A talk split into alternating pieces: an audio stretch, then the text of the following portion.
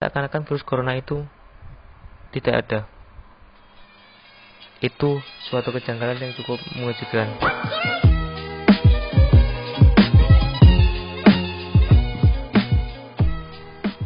Assalamualaikum warahmatullahi wabarakatuh. Alhamdulillah wa syukurillah la haula wala quwata illa billah amma ba'du.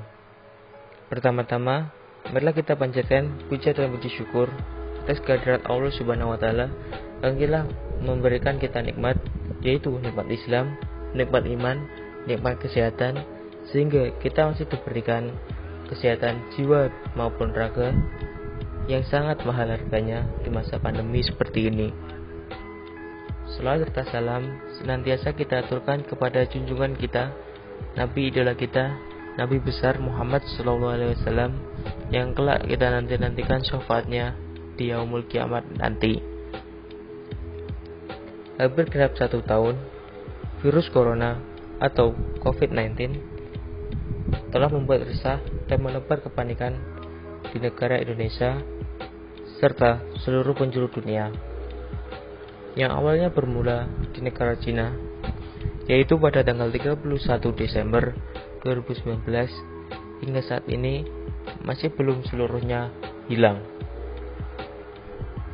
Di negara-negara lain, mungkin sudah ada yang berhasil lolos atau kata lainnya dapat mengantisipasi wabah virus corona ini. Terus, bagaimana dengan negara tercinta kita?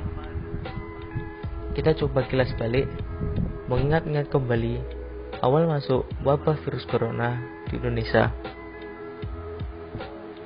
Pada tanggal 2 Maret 2020, Presiden kita, Bapak Joko Widodo, telah mengumumkan secara resmi ada dua warga negara Indonesia yang terkonfirmasi positif virus corona.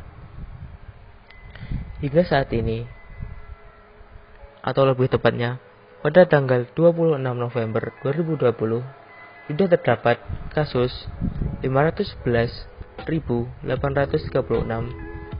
positif, 429.809 sembuh, dan 16.225 meninggal dunia akibat virus corona. Data ini saya kutip pada akun Instagram @kemenkes_ri. Di samping banyaknya kasus positif di Indonesia, banyak juga kejadian-kejadian yang cukup mengejutkan di negara Indonesia pada masa pandemi seperti ini.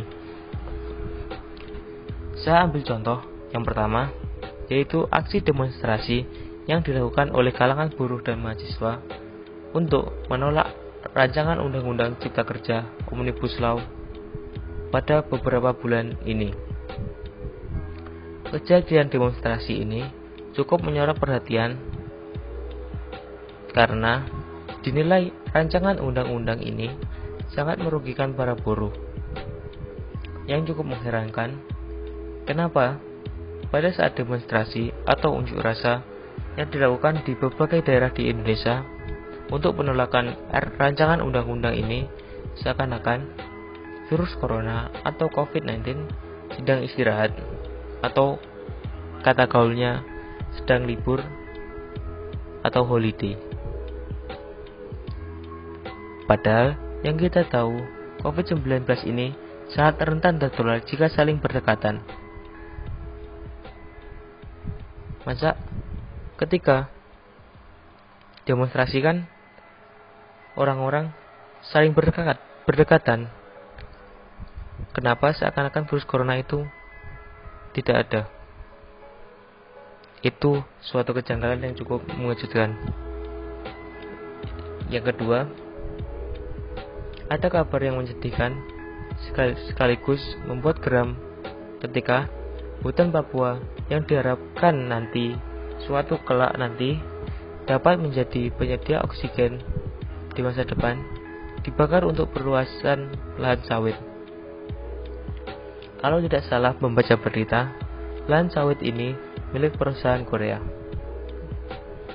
Sebagai warga Indonesia yang sadar dengan kondisi negara ini, seharusnya kita juga sedih lahan atau hutan kita yang kita cintai yang kelak bisa menjadi penyedia oksigen di masa depan yang diberikan oleh Allah Subhanahu wa taala untuk negeri tercinta ini yang asri dan menyejukkan dirusak demi kepentingan perusahaan atau kata lainnya demi kepentingan pribadi. Selain kedua kejadian janggal itu atau mengejutkan itu, masih banyak kejadian di pandemi ini yang ingin saya sampaikan. Tapi mungkin jika saya sampaikan satu persatu karena terlalu banyak, mungkin bisa memperpanjang waktu video atau uh, ceramah ini. Mungkin saya akan jelaskan secara singkat saja. Yang pertama, ada kejadian yang cukup mengejutkan kepada Bapak Menteri Kelautan dan Perikanan kita yang diduga terjerat kasus korupsi benih, benih lobster. Yang kedua, ada kontroversi rapid test. Rapid test yang dinilai sebagai acuan eh, terpaparnya orang atau positif tidaknya orang terkena virus corona diduga menyebabkan kontroversi karena rapid test diduga kurang efektif untuk mendeteksi virus corona. Ada juga kasus jaring dan masih banyak peristiwa yang terjadi di pandemi ini. Mungkin sekian yang bisa saya sampaikan.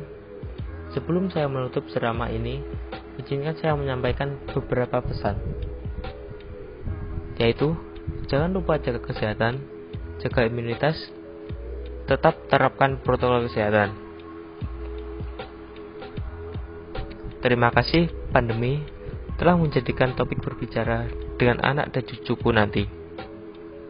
Sekian terima kasih. Saya mohon maaf apabila ada kesalahan dalam perkataan saya. Karena Kesalahan itu murni dari saya, sedangkan kesempurnaan hanya milik Allah Subhanahu wa taala. Sekian, wabillahi taufik walidayah, wal itu walinayah. Assalamualaikum warahmatullahi wabarakatuh.